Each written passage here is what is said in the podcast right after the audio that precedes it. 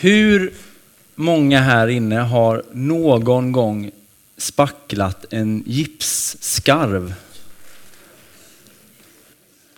Det var många. Jag måste ju erkänna att jag tycker att det är den roligaste renoveringssysslan. Det är lite kladdigt och det är en hel vetenskap. Man måste ha rätt remsa, rätt spackel, rena verktyg och helst ska man ju också liksom spackla brett, eller hur? Men det är ju en sån belöning när man sen liksom får slipa detta och det bara blir helt slätt. Dammigt, men då har man en dammsugare, då blir det inte så dammigt. Och sen, om ni nu inte har spacklat gipsskarv så kanske du någon gång har bakat en tårta. Tänk att det är ungefär samma sak. Om du eh, tar ut bottnarna och märker att de är lite, kanske lite trasiga eller spruckna så gör ju det ingenting. Om man är lite noga med grädden eller sockerkrämen, ja, men då kan tårtan bli hur fin som helst på utsidan. Hur ofta är det inte vi gör ungefär exakt samma sak i våra egna liv? Jag tänker att det är ganska mänskligt. Vi försöker liksom bättra på bilden lite. Eh, försöka verka lite mer intressant i något samtal. Kanske har du råkat nämna den där utbildningen eller de där prestigefyllda uppdragen. Eller så råkade du nämna de där spännande kontakterna som du har. Vi är ganska bra på att spackla, bättra på bilden, försöka verka lite mer intressanta än vad vi kanske är. De här tendenserna att vilja liksom spackla över skarvarna i livet, de finns i mitt liv. Och jag tror att det är fler med mig här inne som känner igen de där tendenserna. Problemet är ju att blir det för mycket yta, då skapar det distans, avstånd och det blir faktiskt ett hinder för verklig gemenskap. Idag hade jag tänkt att ta med er till två stycken scener i Jesu liv. Det första är Jesu dop i Jordanfloden. Vi har haft dop idag så jag tänker att det passar bra. Den andra scenen är direkt efter dopet när Jesus leds ut av anden i öknen och frestas av djävulen. Men vi tar en sak i taget. Först dopet, sen öknen. Har du en bibel så får du följa med mig till Matteus kapitel 3, vers 13 till 17.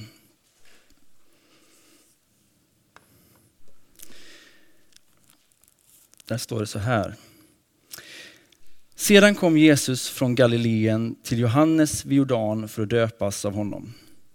Men Johannes ville hindra honom och sade, det är jag som behöver döpas av dig och nu kommer du till mig. Jesus svarade, låt det ske. Det är så vi skall uppfylla allt som hör till rättfärdigheten. Då lät han det ske. När Jesus hade blivit döpt steg han genast upp ur vattnet. Himlen öppnade sig och han såg Guds ande komma ner som en duva och sänka sig över honom. Och en röst från himlen sade, detta är min älskade son, han är min utvalde. Den här erfarenheten, den här upplevelsen är Jesus med om precis innan han går in i sin offentliga tjänst. Han får en liksom gudsröst som säger vem han är. Vem är han innerst inne? Jag tänker detta är en så viktig händelse för Jesus. Jo men han är ju innerst inne Guds älskade son, hans utvalde. För några veckor sedan så fyllde våran son som är tre år, Harald, år. Eh, och vi hade lite kalas med farmor och farfar. De hade köpt en present och på presenten så stod det ett litet kort. Harald var ju såklart inte så intresserad av kortet utan mest intresserad av presenten. Så det där liksom kastade han undan. Men vi försökte ändå, ja men Harald du måste, du måste titta på kortet. Då tar Harald fram kortet och läser högtidligt, fast han inte kan läsa. Vi älskar dig, Harald Petrus Norberg. Och så slängde han bort det. Han visste liksom precis vad det skulle stå på det där kortet. Vi älskar dig. Som förälder så hoppas man ju att det där inte bara är någonting som de lär sig att det står på födelsedagskort. Utan man hoppas ju att det där är någonting som får liksom trilla ner i deras identitet. De är älskade. En fras som vi ofta säger i kyrkan det är att du är älskad av Gud. Hur många har någon gång hört den frasen? Ja, de flesta har hört den någon gång. Många av oss har nog hört det hundra gånger, kanske tusen gånger. Men ändå är det ju så svårt. Bara för att vi har hört det så många gånger så betyder inte det att det har liksom trillat ner och rotat sig i vår identitet, att det liksom slått runt i hjärtat och verkligen fastnat. Jag tror det kan vara på grund av detta att erfarenheter väger tyngre än både ord och känslor.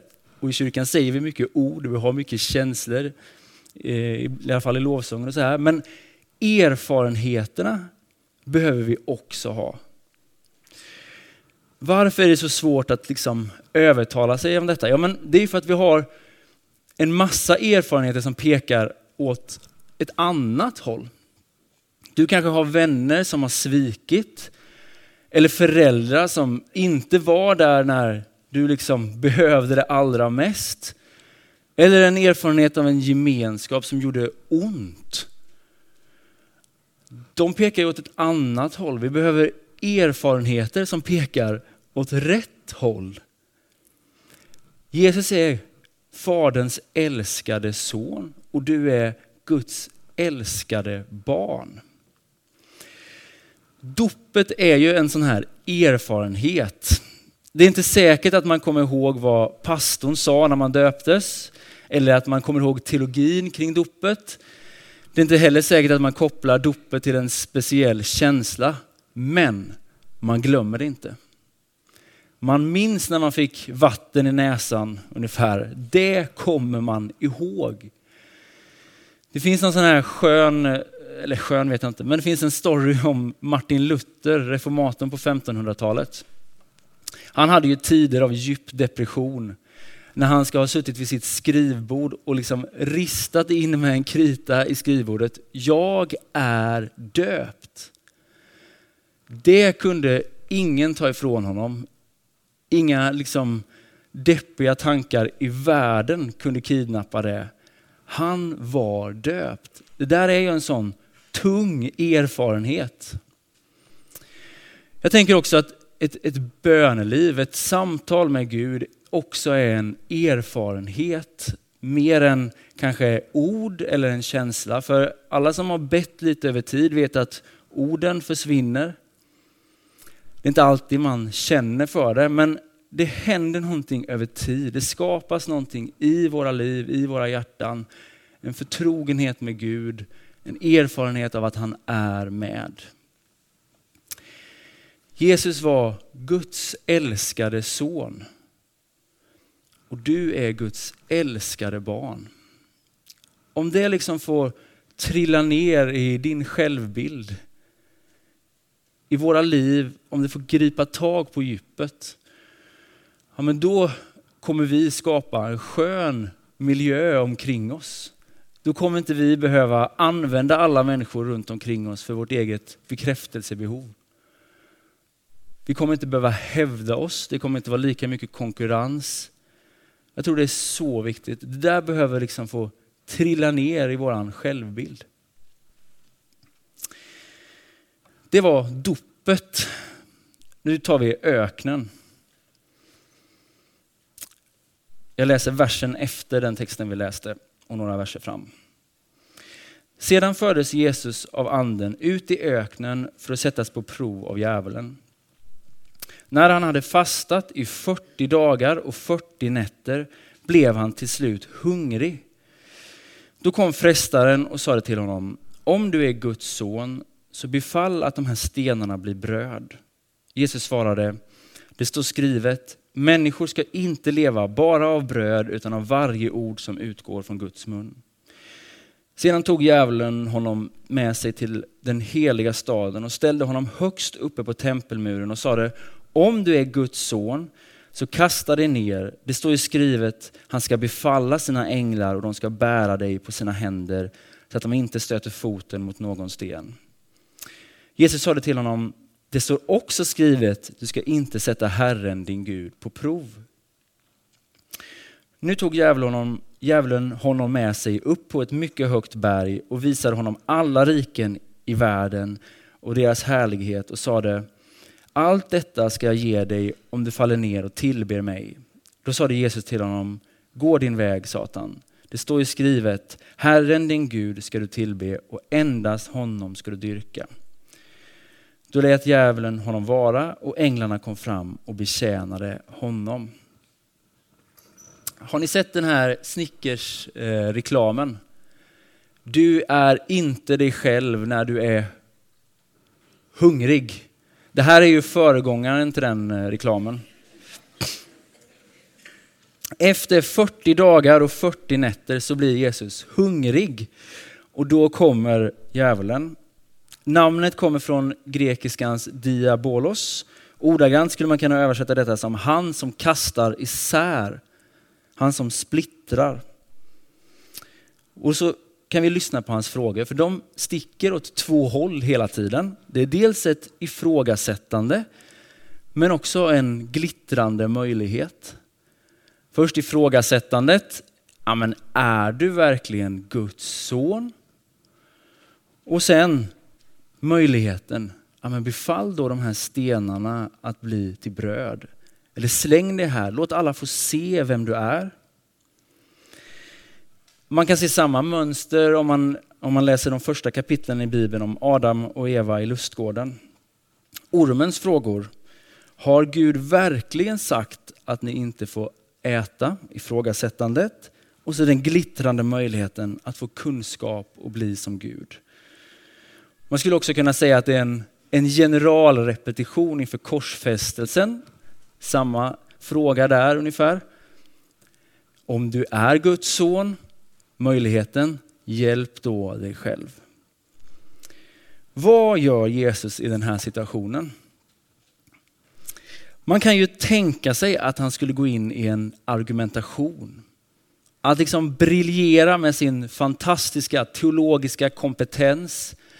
Att han skulle visa sitt allvetande. Varför blir det inte någon andlig konfrontation? Varför visar inte Jesus sina andliga muskler? Det gör han ju senare när han går på vattnet eller när han argumenterar med fariséerna, men inte här. Här svarar Jesus bara med tre stycken citat från ett litet stycke i femte Mosebok. Inget mer. Och jag tänker mig att det är som att Jesus gör det som Adam och Eva inte lyckades med. Han sätter gränsen. Här är jag, där är Gud. Det finns en kille som heter Magnus Malm som har ett skönt citat på det här. Han säger att det mest andliga som du och jag kan göra, det är att bli sant mänskliga. Jag tänker att det ligger någonting i detta, att när vi liksom försöker mer än vad vi är, ja men då är vi redan på fel planhalva. Kristen tro ser inte ut så här. Handlar inte om att spänna de andliga musklerna. Den duktiga ytan, den fina fasaden. Det är mycket mer så här. Det är mycket mer öppna händer. Det är mycket mer att ta emot. Jag har försökt säga två saker egentligen i den här predikan. Det första utifrån dopet. Vissheten om att du är älskad. Om det får sätta sig i hjärtat, i din identitet, så kommer du att skapa en skön miljö omkring dig. Utan bekräftelsebehov eller konkurrens. Och sen utifrån prövningen i öknen utmaningen, den sanna utmaningen, är kanske att våga vara sant mänsklig, sårbar, ödmjuk. För det är precis så Jesus vinner över frestaren. Alla här inne inser att det här är en kapacitet som vi alla bär på. Du har den. Du kan bygga en verklig gemenskap på din arbetsplats eller i din skola. Du kan bygga trygga och nära relationer i ditt hem. Och du kan också bygga små gemenskaper i den här församlingen där man vågar visa sina skarvar och sina sår. Nu ber vi. Herre, tack att du är Gud. Att vi får komma till dig som de vi är, Herre. Du ser alla våra skarvar, alla våra sår och brister, Herre. Men jag tackar dig för att det inte är ett hinder för dig, Herre. Utan att de skarvarna kan få vara en kanal för din heliga Ande, Herre. Skarvar där ditt ljus får lysa igenom, Herre. Tack Herre att vi kan få vara sant mänskliga. Det är kanske den största utmaningen vi ofta står inför, Herre. Hjälp oss att vara ärliga och uppriktiga, Herre. Hjälp oss att vara kanaler för ditt ljus oavsett på vilken plats vi är, Herre. Tack Jesus att du har lagt ner den kapaciteten i alla oss, Herre. Att sprida ditt ljus där vi går fram, Herre. Att skapa miljöer som är enkla att vara i. Prestationslösa, Herre. Tack Jesus för att du redan har gjort allting på korset, Herre. Att det inte handlar om att vi ska spänna våra andliga muskler, Herre. Utan att vi får öppna våra händer, Herre. Ta emot, Herre. Ta emot av din kärlek, Herre. Ta emot av dina gåvor, Herre. Jag ber att vi ska få öppna oss inför ditt ansikte den här stunden som är kvar nu, Herre. Tala till oss, Herre. Öppna våra hjärtan, Herre. Låt oss få tänka på situationer eller saker som vi kan göra bättre, Herre. Tack Jesus att, att du går med, Herre, den här veckan som ligger framför. Du är med på arbetsplatsen, du är med i skolan, du är med i familjen hemma, Herre. Du är med bland vännerna, Herre. Låt oss få sprida din Kristus doft den här veckan, Herre. Amen.